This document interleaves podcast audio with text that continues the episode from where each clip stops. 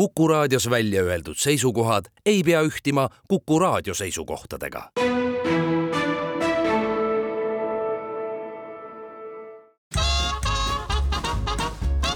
jäljed gloobusel tere päevast, kallid raadiokuulajad ja head uut aastat soovivad Jäljak gloobusel stuudiost äh, Väints ja Karu tere, et olete ikka meiega ja suur tere ka minu poolt. no nii, uus aasta on alanud, neljas jaanuar on kätte jõudnud. me, me ei ole siin stuudios kahekesi täna. ei ole no., meil on üks mees veel ja, ja see ei ole mingi lihtne mees tegemist on selgelt vanameistriga ja, ja kui nüüd tõmmata paralleeli meie tavaliste saadetega, kus siis informatsiooni otsimiseks tuleb mööda internetti ringi scroll ida, siis mees, kellega me täna rääkima hakkame, on umbes samasugune. mehe enda Vikipeedia leht on nii, et scroll ida tuleb nii, et juba hakkab endal imelik. Ja, ja aga ega midagi, see on pikaajalise töö ja, ja uhkete tegemiste nimekiri nojah, sest noh, loeme ainult mõned neist ette, no ta, ta, ta on olnud, on ju tuuker, kusjuures tuuker päästelaeval, eks ole ta, tal on äh, olnud või noh, on siiamaani on endanimeline alpinismiklubi. üle poolesaja fotonäituse. oo oh jaa, ja ta, ta on Eesti üks vähestest lumeleopardidest. ja lisaks sellele on ta üheksandal veebruaril tuhande üheksasaja neljakümne kaheksandal aastal sündinud Kõuel ja Põltsamaa talus just, paljud said juba sissejuhatusest aru, et ega noh, kui ütled lumeleopard, siis tõmbab nagu nimekirja päris kitsaks kokku. tere tulemast stuudiosse, Jaan Künnap. tere, tere, head uut aastat teilegi kõikidele. muide, Vikipeedia artiklis, see ei ole minu kirjutatud, minu kirjutatud on ainult ükssainsam lause seal aga no seda ma ei ütle veel, mis lause seal on, aga. vaatame, kas tuleb välja. see ei ole nad lihtsalt on otsitud ja mis iganes see materjal kokku, need on sõbrad Vikipeedia tegijad. kusjuures me, me, me saame ühe asja kohe ära klaarida, mis me juba siin väljaspool eetrit nii-öelda rääkisime, et äh, ütlesime sinu kohta lumeleopard, äh, see lumeleopardi definitsioon on osadele kindlasti täiesti võõras, et mis tähendab lumeleopard, on ju, ja lisaks on see ajas ju ka natukene muutunud, nii et räägi, kes on üldse lumeleopardid? Lumeleopard, noh ehm, kunagi Nõukogude Liidus äh, äh, ja, ja see, see lumeleopardi tiitel anti ka väljamaalastele, see oli see, need, kes Nõukogude Liidus vallutasid siis ah,, jälle sõna vallutamine. mm see on väga halb, naisi vallutatakse et kui on tipus käidud neljal-seitsme tuhandeliselt, siis sai sellise tiitli.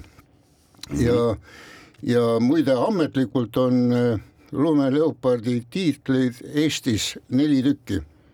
esimene oli Ilmar Priimets ja siis mõned aastad hiljem veel kolm tükki, minu ja see on vormistatud paberid, kõike puha ja minu, need on kõik nummerdatud, nüüd on neid umbes tuhat inimest ja aga minul on kakssada neli number, selle, selle märgi number ja selle, selle dokumendi number. ehk siis äh, selleks, et saada lumeleopardiks, tuli käia algselt ära neljal üle seitsme tuhande meetri kõrgusel tipul mis olid siis on ju, kommunism oli kõige kõrgem, siis oli Pobeda, siis oli Korženeva ja Lenin, eks ole, ega ma ei eksi. ja siis mingil hetkel tekkisid ju eh, hiinlastega tekkisid vist mingid piirijagelemised seal oh, tadžikidel. tõsteti aeda edasi. jah, ja siis oligi kaheksakümne viiendast kuni kaheksakümne üheksanda aastani Pobedale ei lubatud üldse Venemaa poolt ja siis Pobeda asemel ähm, pandi Hantengri antengri kõrgus oli siis korralikult mõõdetult juba, oli seitse tuhat kümme meetrit mm, -hmm. mis on siiamaani.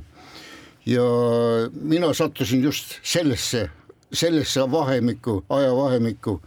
nii et eh, kui eh, peale seda, eh, kes on nüüd üheksakümnendatel käinud, siis pandi isegi üks mägi juurde.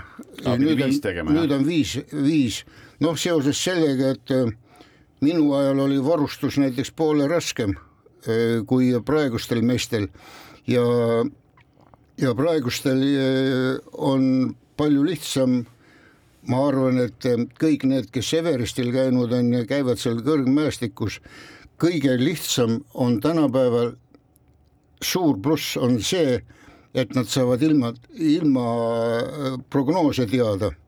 Ma tean seda, et kui Katrin käis Everestil, siis tema mees oli kodus arvuti taga ja teatas temale, mis päev on homme kuue kilomeetri kõrgusel või mis ilm, mis ilm on seitsme kilomeetri kõrgusel, selline info on äh, kõige kasulikum ja, ja kõige suuremaks plussiks tänapäeva käijatel. aga vanasti oli siis nii, et tegid näpu märjaks ja vaatasid, kustpoolt tuul on. täpselt mm, -hmm. see ilmastik, õhtul vaatasid pilvi ja siis kuigi kui ma olin juba nelikümmend aastat juba käinud, siis ma mäletan seda, et Kaukaasias isegi päästjad käisid minu käest küsimas, et mis ilm nüüd homme Elbrusel on kui sa ütlesid vahepeal Katrin, siis sa mõtlesid Katrin Merisalu, eks ole? täpselt, tema ja. mees andiski korralikult väga head infot, et kas nüüd tõusta või, või võib selle, sellel kõrgusel olla või ei või hüppame korra täiesti ajas tagasi sinna, et äh, palju õnne takkajärgi juubeli puhul, eelmine aasta said ju seitsekümmend viis, eks ole, mis tähendab, et aa, seda ei tohtinud nagu palju häälega öelda. no siis nojah, kui saade läheb eetrisse kaks tuhat kakskümmend neli, siis on juba eelmine Sorry. aasta, et jah, mhm. aga näed, nüüd reetsime ära, et on ju, näed, vana-aastases veel lindistab, aga see on täitsa okei okay,, sest meie mhm. kuulaja teab, et me enamasti teeme oma, oma saateid ka ette linti ja praegu tegelikult lindistamise päeval on kahekümne üheksas detsember, nii et aasta mhm. lõpuni on paar päeva aega. aga hüppame korra sinna neljakümnendatesse. sa sündisid äh, mõnusasti, siis ma saan aru, Kõuerriigi äh, mõisa lähedal. jah, esimesed kolm aastat ma käisin Kõue, Triigi mõis oli tookord, nüüd nimetatakse seda Kõue mõisaks millegipärast. et siis oli ta Triigi mõis, seal koolis käisin esimesed kolm aastat, jah mm. -hmm. ja siis läksid Kosele? jah ja Kose vahel jooksid ringi ja siis ühel hetkel mõtlesid, et peaks hakkama tegelema fotograafiaga ja peaks hakkama mägironimisega tegelema, aga läksid hoopis tuukriks. See noh, Kose, kui sai kaheksa klassi läbi, siis ma, siis ma noh, kuna kuna meid oli peres väga palju, väga palju lapsi, nii et pidi kiirelt tööle minema ja siis ma läksingi Tallinna kutsekooli ja, ja siis äh, sealt ma õppisin keevitajaks äh, ja siis, kui ma juba Tallinnas olin, siis ma olin juba üliaktiivne, siis ma käisin igal pool küll näitustel ja, ja tegelesin kõvasti spordiga, nii et mis ma olin, ma olin ähm, maadleja, Harju rajooni neljakordne meister ja, ja, ja maadluses olin, Tallinnas olin teine ja, ja Eestis olin kolmas isegi. Johannes Kotkas oli muide peakohtunikuks, Tartus olid, ma mäletan, võistlused. legend. ja, ja, ja ja siis tegelesin natuke allveespordiga ka ja siis, kui ma Nõukogude armeesse läksin, siis suunatigi mind tuukrite kooli. kui sind alguses nagu suuda, suunati nagu pooljuhuslikult, siis sa tegelikult jäid ju tuukriks päris pikaks ajaks. jah peale seda, kui ma armeest tulin, noh, oleks võinud muidugi minna ka keevitajaks, ma aasta otsa olin enne, enne Nõukogude armeed keevitajat isegi. muide, Tallinnas suures sünnitusmajas pooled torud on minu keevitatud. Aga, aga kas süda tilkus verd ka, võib-olla sa olid selleks ajaks juba avastanud, et tegelikult tahaks võtta kõrgeid mägesid, eh, aga selle asemel võtsid ära hoopis eh, sügavusrekordina kaheksakümmend meetrit. Ja, ja, ja see aeg, mis sa seal sügavustes töötasid, on ju, oli kahekümne kolme aasta jooksul ja kirjade järgi siis üle kolme tuhande tunni oled olnud vee all. jah, ei, see oli see kõr-, sügavuse rekord tegin Nõukogude armees. Nõukogude armees ma olin väga-väga huvitav oli minu teenistus, ma olin, olin seal pooldessantnik, õpetati isegi, inimesi tapma õpetati mitte, mitte kaitset ei õpetatud, aga just tapmist, rünnakut. kaks kuud õpetati seda ja siis ma olen tuukrivarustusega eh,, langevarjuga suk-, hüpanud vette, sukeldunud. Tuukrivarustusega langevarjuga, kolm hüpet olen teinud niiviisi. Ja igavene põnev teenistus oli. Ja siis ma, kui ma tulin armeest tagasi, siis äh, lihtsalt pakuti mulle ühte päästelaeva tuukriks ja siis sinna ma läksingi. Kas see, kas see nagu eh, tuukrina vee all käies nagu, kas see, kas seda kuidagi üldse annab ka kõrgustega võrrelda? Mingi rõhuteema ikka on, on ju. on, on. Selleks, et kui ma olin seal tuukrite koolis ja, ja siis ma olin seal mingisuguste üle Nõukogude Liidu otsiti kakskümmend tuukrit kokku, ma ei tea, mingisugune eksperimenti tehti me, meiega, siis olid arstid, olid Moskvast igasuguste suurte pagunitega polkovnikud ja, ja kindralid olid doktoriteks, need olid muide kosmonautid arstid katsetasid tuukrite peal Aa. just seda rõhka. ega kosmonaute ei ole ju raisata, eks ole, et proovime tuukrite peal järgi. me räägime sellel põneval teemal hetke pärast edasi, kuulake vahepeal põnevaid teadaandeid jäljed gloobusel. nõnna, Kuku kuulaja, paus on läbi ja jäljed gloobusel on äh, teie kõrvades tagasi. Ja meil on täna külas Jaan Künnap. Ja hoolimata sellest, et jutt peaks tegelikult viima kõrgusesse, lõppes meie eelmine sessioon hoopis sügavustes jah, see, sest äh, nagu räägitud sai, Jaan on äh, kakskümmend kolm aastat oma elust olnud ka tuuker ja me hakkasime otsima just, et mis need sarnasused siis on tuukriks olemise ja kõrgmägedes äh, ronimise vahel ja, ja Jaan, sa mainisid seda, et, et tuukrite peal käidi ka, katsetamas siis mingeid kosmonautide värke, aga kõik jäid ikka ellu. jah, kõik jäid ellu või ikka? noh ähm seal olid mingisugused õppused, siis me isegi poole kõrvaga kuulsime, et õppuste ajal või võib kadu olla seitse protsenti kujutage ette. No kümnesest grupist on tuntav vahe, aga kui sul on. kui on sada inimest, seitse inimest, kui on kaheksa, siis kutsutakse ülemused äh, punasele vaibale. ja ära enam nii tee saab noomida. et äh, põnev oli ikka jah, seal meil katsetati no parrokambrit äh, küll kiirelt tõusmised ja, ja need graafikute järgi, neid graafikut kontrolliti ja ja, ja, ja laskumisi ka, nii et ma olen kolm korda parotrauma, kõrvaparotrauma saanud mm. -hmm. kaks korda olen ma, kes on tõbi mm. -hmm. läbi elanud. jah, läbi elanud ja, ja verd rögastanud päris mitu korda, see on see kopsuparutrauma seda olen ka, aga see oli ikkagi noh, hiljem hakkasin mõtlema, et kuradi jama, oi ja, ja ei et, et ähm, katsetati meie pealt ja, ja kõike puha ja, aga põnev oli ikkagi sellegipoolest. aga mis sa arvad, kas see andis mingisuguse äh, nii-öelda valmisoleku kõrgmägedes paremini hakkama saada ka, sest noh, ilmselgelt äh, peab ka nii-öelda füüsiline vorm ja, ja võib-olla ka vaimne vorm olema valmis selleks, et seal kõrgmäestikus hakkama saada. noh, ei tea, ma mägedes arstide käest olen küsinud, kas on siin mingisugune seos. noh, võib-olla küll jah, et äh, see aklimatiseerumine, miks ka mitte muidugi. tunde, et tunne on tuttav mingi osa tundest? mina no., mina olen mänginud selle mõttega kunagi, et ma tean, et mõne noh, nagu ma käin riikide kõrgemaid tippe, siis äh, mõne riigi kõrgemas tipus on juhuslikult kraater, kus on nagu järv. ja siis ma olen mänginud selle mõttega, et kas teoreetiliselt oleks võimalik nõnda, et ronid mõne riigi kõrgemasse tippu, siis laskud natukene allapoole ja, ja, ja siis on nagu sukeldumisvarustus on kaasas, et kas selline asi, et näiteks noh, ma tean, kolme kilomeetri kõrgusel on sellised asjad olemas näiteks, kas kolme kilomeetri kõrgusel üldse see on mõeldav, et sa võtad nii-öelda akvalangid, kõik värgid kaasa ja sa sukeldud järve, mis on näiteks näiteks niisugune sada meetrit sügav? noh, ei, ma ei tea, kas seal mingit seost on, aga minu meelest vaata, sa hapnikumaski oled kasutanud mägedes või? ei ole, pole nii kõrgel käinud. muide, paljud ei teagi, mis hapnik seal sees on. naerugaas või? paljud alpinistid ka ei tea seda segu, mis seal on. kui sa no., kui sa hapnikku sisse hingad, sa saad hapnikumürgituse ju.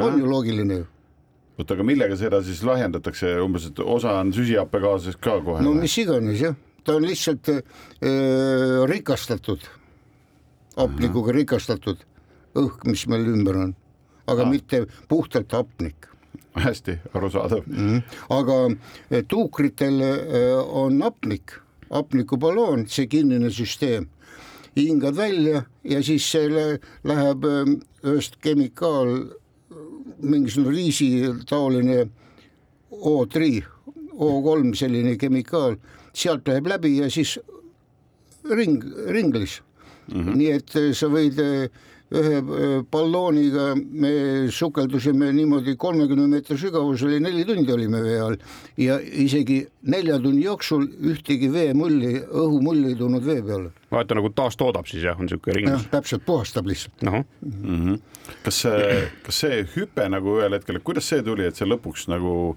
sattusid esimest korda päriselt nagu mägedesse või millal sul see nii-öelda see krõks ära käis? noh, kui ma paar aastat juba olin seal tuuker olnud, siis eh, üks eh, sõber, Enn Branno, see oli juba mägedes käinud ja siis ta, siis ta ükskord rääkis, et, et eh, kunagi ma, mul puhkust veetsin ma niiviisi, et kui sain puhkuserahad kätte sealt laeva pealt, siis ostsin omale Kaubamäest valge ülikonna ja läksin Klooga randa. Klooga rannas muide, seal on praegu on vundament ainult alles sellest restoranist. restoran oli ja seal üleval olid veel numbrid ka. Nii et mul oli seal numbrituba oli ja, ja kui rahad otsa said, siis tulin laeva peale tagasi. ja siis, siis Enn rääkis, et kuule, sa oled kõiki asju pildistanud, aga mägesid sa ei ole veel pildistanud, lähme, lähme mägedesse ka mägese pildistama. no seal ma sain hästi hakkama, selleks sõlme ma teadsin, kunagi ma olin meremees, füüsiliselt olin ka normaalne ja ja siis hakkas meeldima ja oligi. Aga mis, kui, kui sa ütled, et ta kutsus mägedesse, mis need mäed siis olid, et kuhu, kuhu te läksite üldse? Kaukaasiasse Kaukaasia. Kaukaasia alpilaagrisse. seal, kus ma siis pidin hakkama A-st peale küll loengud ja, ja ja esimesed kõige kategooriad, siin oli, see tookord oli Nõukogude Liidus oli süsteem väga turvaline ega sa ei saanudki, kui sul oli raha ükskõik, aga ega sa ei saanud minna eh, kuskile kõrgemale kategooriale, sa pidid hakkama A-st B-st peale ikka. esimene, teine, kolmas, neljas, need kategooriad järgemööda, need kõik eh, alles, et ei saanud, kui sa tahtsid kuskile neljandale kategooriale minna, siis sa pidid kolmanda kategooria juba ära tegema arusaadav, kas see, jah, ma hüppan korra tagasi sinna selle lumeleopardi jutu juurde, sul, sul käis jutust läbi, et, et seda tiitlit anti välja ja seda anti ka välismaalastele eh, vahepeal on ju, kas, aga kas see ongi selline, oligi siis Nõukogude Liidus selline ülemaailmne organisatsioon, kellel oli õigus selliseid tiitleid välja anda või on maailmas nüüd tänapäeval olemas mingisugune veel ülesem, sest noh, Nõukogude Liidus enam no. keegi midagi ei tee.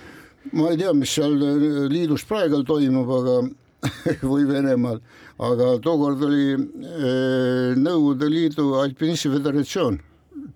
see andiski selliseid eh, tiitleid välja mm. -hmm. ja isegi väljamaalastele ka jah. aga teekond siis selleni, et sa üldse said nagu nii-öelda kategooria matku tegema hakata, algaski siis alati alpilaagrist, jah? muidugi alpilaagris esimesed kümme aastat ma pidin ikka kõik laagrid tegema ja siis kategooriate järgi ja, ja ma pidin selle eest raha ka maksma, kuigi see oli päris odav, need alpilaagrid. aga, aga siis, siis oli jälle mul mingisugune õnnetus ja, ja, ja siis mõtlesin, et äh, kiirelt tuleb, tuleks enda äh, kategooriat tõsta, siis ma läksin instruktorite kooli ja, ja läksin päästjate kooli ka.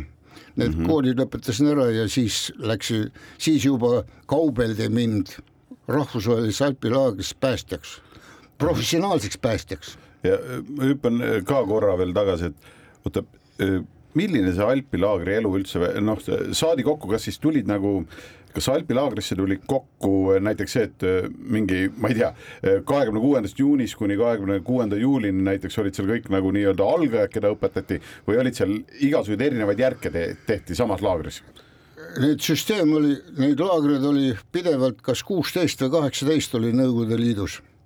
ja, ja siis tuusikuid jagati sinna laagritesse, neid tuusikuid jagati siis Alpi klubides igal pool Nõukogude Liidus.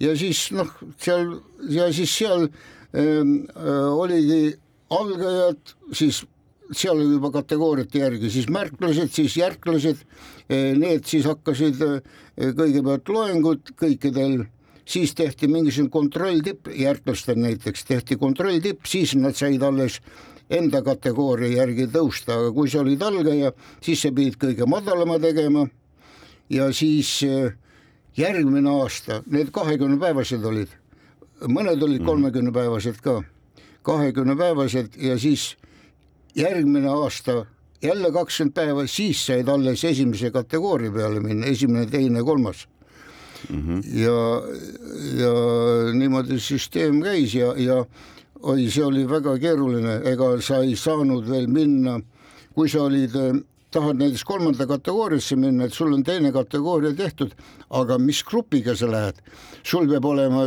üks grupi liige vähemalt, kellega sul on eh, käimise kogemus. sa ei tohtinudki isegi võõraga minna.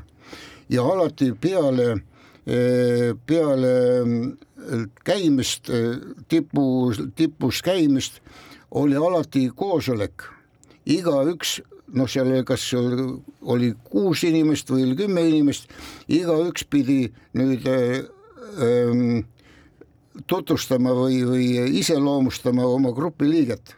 ja kui see mõni grupi liige sai negatiivseid asju, siis raamatusse kirjutatigi, et seda kategooriat on vaja korrata. oleme hetke pärast jälle teie kõrvades tagasi jäljed gloobusel.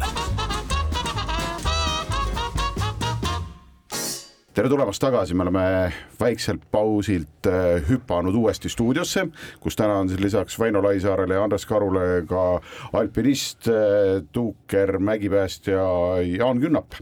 ja Jaan, meil jäi jutt enne pooleli just nende äh, alpilaagrite koha pealt, et ku, kuidas, räägi selle alpilaagrite kohta ka seda, et kas seal Äh, palju neid üle Nõukogude Liidu üldse oli ja kuidas sa sinna üldse sattusid? noh, üle Nõukogude Liidu oli kuus, oleneb aastast, kuusteist või kaheksateist laagrit. Need olid äh,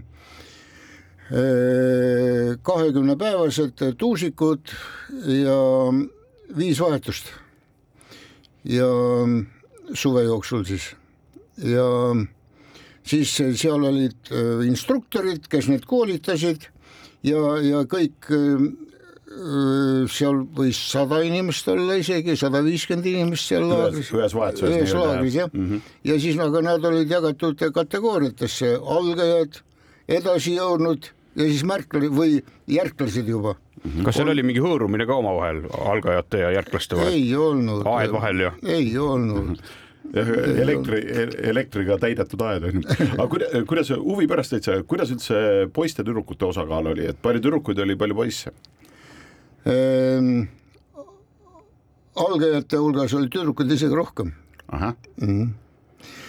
ehm, kuigi nojah, mul oma kogemus ehm, ükskord, kui ma juhtisin Tallinna alpinismiklubi, siis ma eh, esimese loengu ehm, tegin katsetuse, esimese loengu näitasin ilusaid fotosi, slaide, rääkisin ilusatest mägedest ja teine aasta rääkisin õnnetusjuhtumid mäes, mägedes.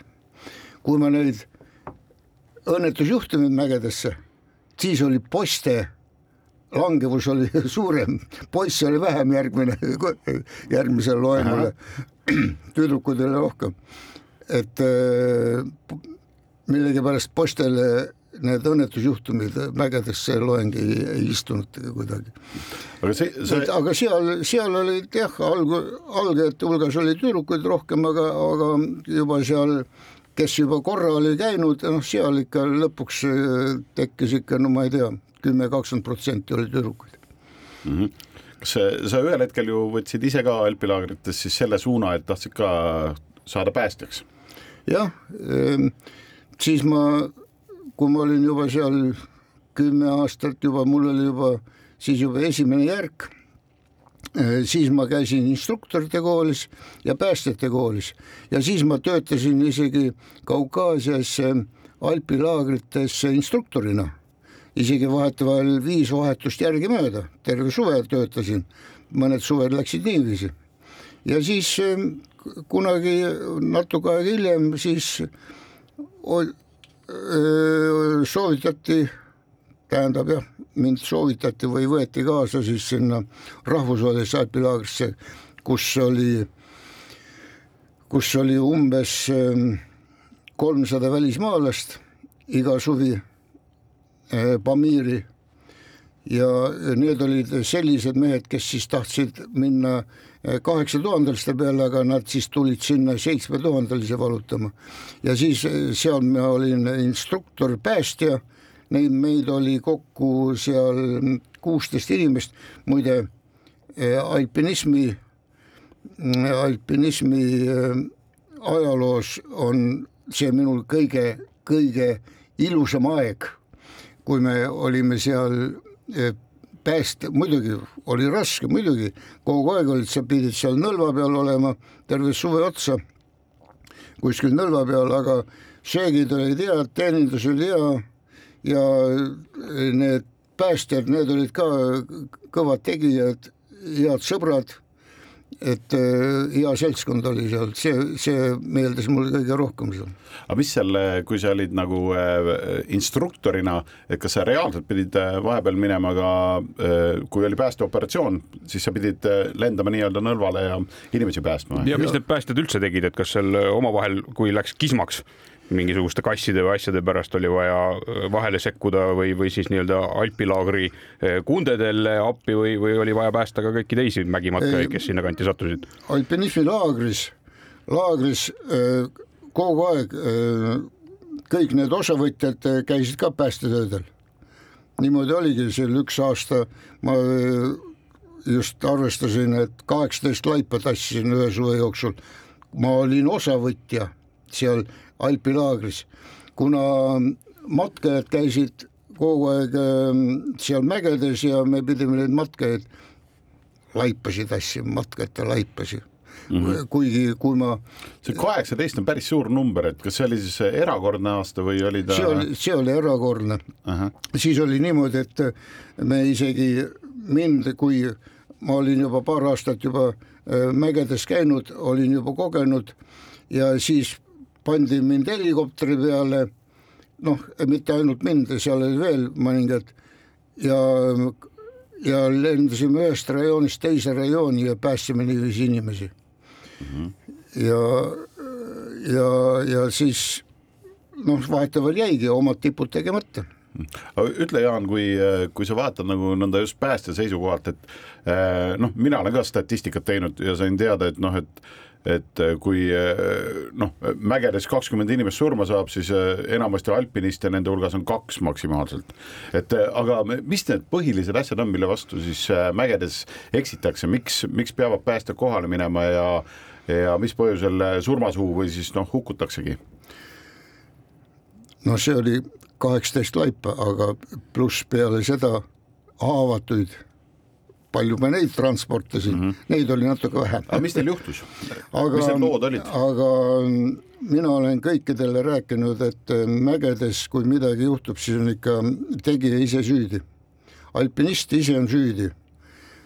ja, ja siin ei ole midagi, isegi siis vahetevahel öeldakse, vaieldakse vastu, aga laviin laviiniga on ka niiviisi, kui sa lähed mingisse rajooni, sa pead uurima ennem, ma ei tea, kas karjuste käest või, või kohalike elu, elanike käest, et millal mi, olid, millised sademed seal rajoonis, millal oli pluss, plussid, millal oli miinused, siis sa tead täpselt, milline äh, see lumenõlv on. ja kas kas tasub sinna lumenõlva peale minna või mitte, see tähendab, sul on lihtsalt kodune töö tegemata. kui sa lähed sinna nõlva peale ja see, see nõlv variseb kokku, nii et äh, isegi kui on laviinid, siis on ka inimesed ise süüdi. okei okay,, kui on maa värisemine, siis ei ole midagi teha. maa värisemisega on laviine küll ja küll tulnud, siis ei ole midagi teha ehk siis põhiliselt oli lihtsalt äh, need, kes äh, hätta sattusid, nende puhul oli siis tegemist ikkagi see, et nad olid teinud halbu valikuid. täpselt, noh, neid ja ma võin kirjeldada, see asi läheb natuke liiga, liiga räigeks, et ma võin kirjeldada, mis konkreetselt meie kellegagi juhtub. noh, seda ma võin öelda, et kui on laip sirge, noh, hangunud mm, -hmm. Kõva, on hea transportida. aga vahetevahel laip on, kui ta on jääpraos, on, on küki, kükis olnud ja külmunud seal. Seda on mm -hmm. väga halb transportida. Kujutan ette jah, tol hetkel vist äh, juba ka transporditavast ju tegelikult äh, ta ei ole enam inimene, on ju, et no. ta on äh, puhas, puhas töö on tol hetkel on ju, et ta tulebki lihtsalt sealt alla saada, aga toome mingi sellise näite ka, et ütleme täitsa julmalt, kui, kui Pamiris ja seal kõrgemad tipud lähevad üle seitsme tuhande meetri, aga näiteks, et on vaja tuua sajakilone meesterahvas noh, keha on vaja tuua alla näiteks äh, kuue tuhande kahesaja meetri kõrguselt. Äh, kui suur see päästemeeskond äh, sel hetkel võib olla üldse? no see on alpilaagris on lihtne, kuna seal on kolmsada inimest mm. -hmm. kõike võib marsruudilt maha võtta ja päästetöödele panna, rakendada. Ja, ja, ja muide, laipa on hea transportida, aga mhm. haavatut keerulisem. muidugi keeruline, hea on, kui sul on arst veel grupis, mm, teeb seal valuvaigistit süste või midagi taolist, et muidu hoiab kogu aeg ja vahetevahel ongi tassid, tassid, kolm päeva tassid, juba sa paned auto peale, järgmine päev teatad, ta ikka suri ära. no mm. midagi teha ei olnud. Aga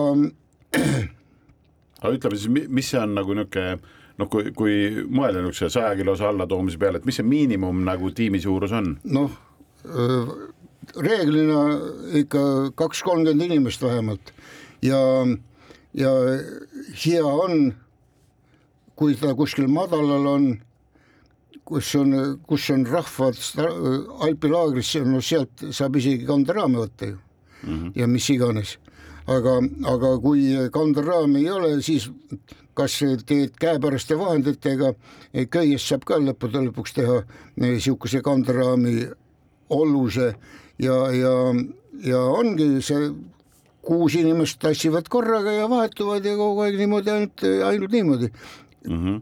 ehk siis äh... väga raske on, kui ta on veel elus ka jah, ehk siis äh, mingis mõttes ütleks, et kaksteist oleks nagu miinimum, tundub nagu mingi nurga alt, et, et kaks vahetust kuuest. see on väga raske töö, vahetevahel tuleb seda kolm päeva võib-olla tassida ja muide öösel ka tassid, ega sa ei jäta ööseks oma telki kõrvale sinna oigama või, või telki või ikka tassid ju. selle optimistliku noodiga lähme taas väiksele pausile. jäljed gloobusel nõnna, jälle paus läbi, jälle Gloobusel on eetris stuudios Karu Vänts ja Jaan Künnap ja, ja räägime siis täna sellistel mägistel teemadel. ja meie eelmine sessioon lõppes äh, taas kord alpilaagri jutuga, nagu ka kõik eelmised po. positiivsel noodil. ja positiivsel noodil, aga ma ikkagi selleks, et, et võib-olla tänapäeva inimestel on, on keeruline mõista või ütleme, mäevõõral inimesel keeruline mõista, et miks toona ikkagi käidi aastast aastasse nendes mägi või nendes alpilaagrites, omandati mingisuguseid järkusid võrreldes siis tänapäevase paralleeliga, kus võib-olla on palju raha, annad selle kõik ära ja, ja eeldad, et sind enam-vähem sellise vaara kombel kanderaamil sinna kuhugi vajalikku tippu kohale veetakse. noh, aga see ongi äh, kogemuste korjamine, pagasi korjamine, kui sa olid juba seal esimene järk oli sul, siis kõik teadsid, et sul on kogemusi nii palju, et noh, ma mäletan seda, et kuskil alpilaagris juba teati, no viimastel aastatel teati, et mul on nii palju kogemusi ja, ja arvatigi, et mina olen kõige vingem lume struktuuritund ja kuigi ega ma ei olnud seal, seal oli võib-olla teisi veel ja siis minu käest käidi küsimas, et mine proovi nüüd seda, seda nõlva, mine proovi seda nõlva. ja siis ma pidin eh, hommikul välja minema, noh, kahekesi läksime, ega üksinda muidugi mägedes ei käidagi. ja siis õhtaks tagasi tulema, siis mul olid need nõlvad proovitud, et kas võib minna grupiga sinna või mitte et ähm, järgud ka täpselt samamoodi. et äh, kui sul oli esimene järk, muide mul oli esimene järk, aga mul oli ka avarii ju. seitsmekümne üheksandal aastal oli niimoodi, et äh, sõbraga mm, kukkusime, sõber sai surma ja mina jäin ellu. siis võeti mul, kuna mina olin grupijuht, siis võeti mul kõik järgud maha. siis ma pidin hakkama otsast peale. siis siis äh, alpinismi föderatsioonist oli komisjon kohal ja võeti mul järgud maha. Ja, ja siis ma pidin hakkama alustama uuesti, siis järgmine aasta ma läksingi niimoodi mägedesse, et tegin kuusteist tippu järgimööda. ja siis ülejärgmine aasta tegin neliteist tippu järgimööda, et saavutada sama tase, kus mul oli see esimene järk et äh, sama, samale tasemele, et saada nüüd sellesamasele kategooriale minna, see oli viiese kategooria marsruut, Kalju marsruut muide, ainult ronimine. ja, ja, ja saingi ja lõpuks, lõpuks, lõpuks tegingi sellesamase marsruudi ära ka. aga see päästmine käis siis ka ikkagi järkude järgi, et kui näiteks see päästetav oli kõrgemal, kui kellegi järk lubas, siis talle öeldi, et sina ei lähe. Lähevad keegi teine, kes omab seda vastavat kvalifikatsiooni no, ja vastavaid oskusi igas alpilaagris oli oma päästegrupp oli juba paika pandud, vähemalt kuus inimest. Need olid juba järglased, need võisid igale poole minna mm. -hmm. et eh, need olid tegijad ja pärast eh, siis nendele tulid hiljem järgi see transportgrupp, kes, kes nüüd hakkasid konkreetselt tassima, neid võis olla kakskümmend, kolmkümmend, nelikümmend, vaata oli isegi rohkem inimesi.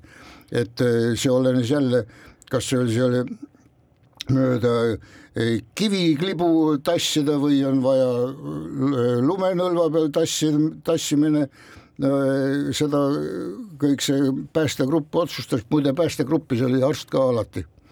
ja siis arst kõigepealt tuvastas, mis tal on ja, ja mis iganes mm. -hmm kas see, kas kuulajal kindlasti tekib nagu see küsimus, et vaata, et kui sa nii palju õnnetusi ja nii palju ka surnukehi ja lihtsalt katkiseid inimesi oled nagu äh, näinud nende päästetööde käigus, kas hetkekski endal ei ole kunagi see, seda äh, tunnet nagu tekkinud, et ah, las need mäed jäävad, et mis ma ikka. Lähen vee alla tagasi. Lähen vee alla tagasi, seal ka vaiksem.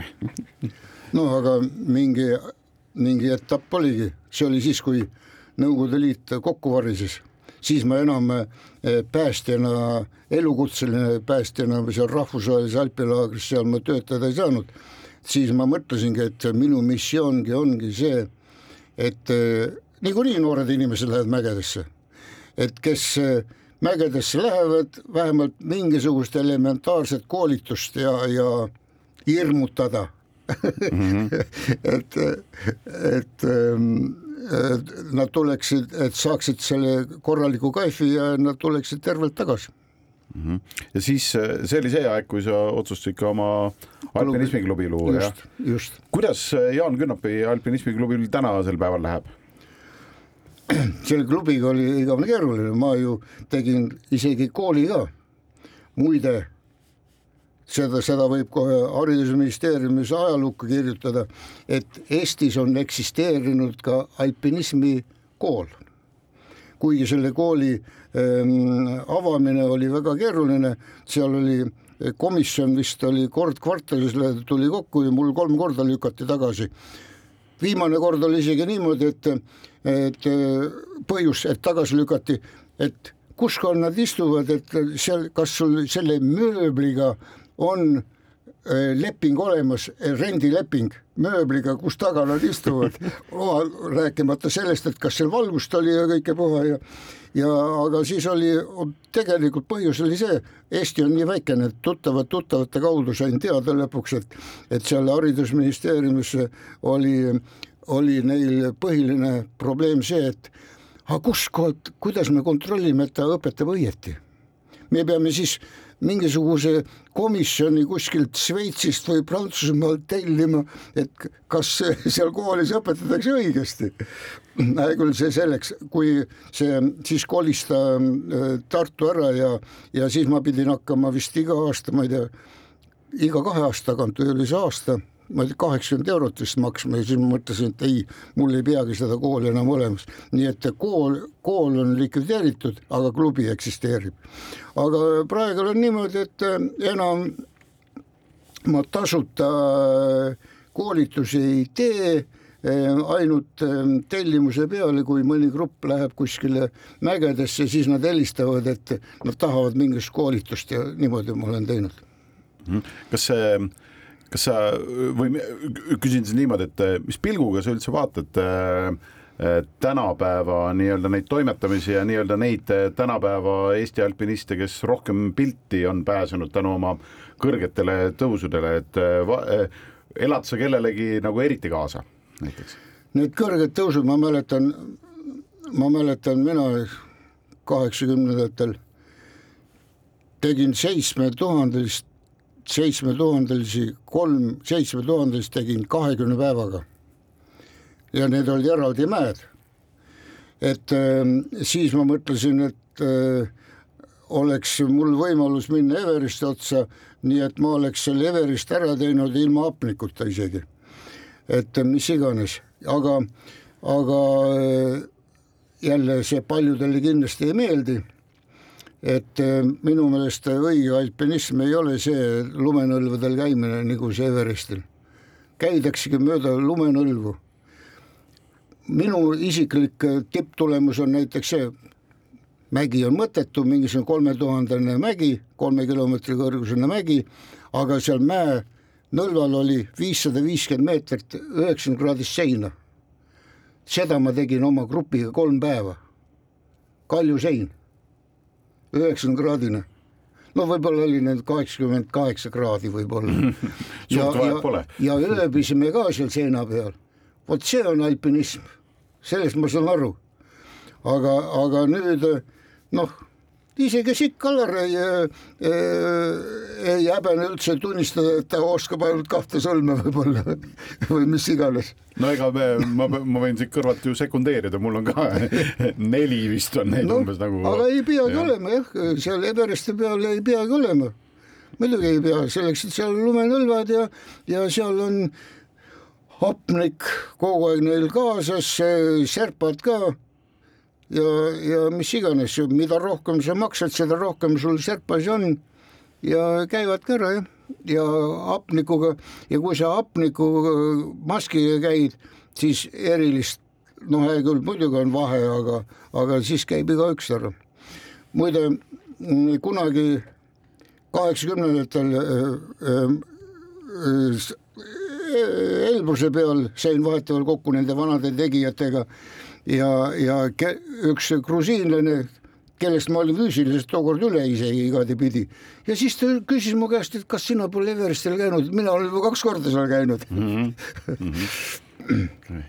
Meil on äh, saateaeg otsa saamas, mis tähendab seda, et äh, Jaan, me vaatame sulle küsivalt otsa ja küsime, et kuule, kas oled meiega ühe saate veel või? Mina ei näe küll võimalust, Jaani elu on sedavõrd kirev olnud, et ükski osa temast ei mahu ühte saatesse ära. jah, keerame stuudio seestpoolt lukku, võtame võtme enda kätte ja loodame, et me kahekesi oleme Jaanist tugevamad, mis ei pruugi olla tõde. aga igatahes äh, aitäh sulle, Jaan, äh, tänase saate eest ja me kohtume nädala pärast äh, uuesti ja räägime taas kord Jaan Künnapiga oma lugusid edasi. aitäh kõigile kuulamast. suur tänu, et kuulasite ja püsige avarad jäljed gloobusel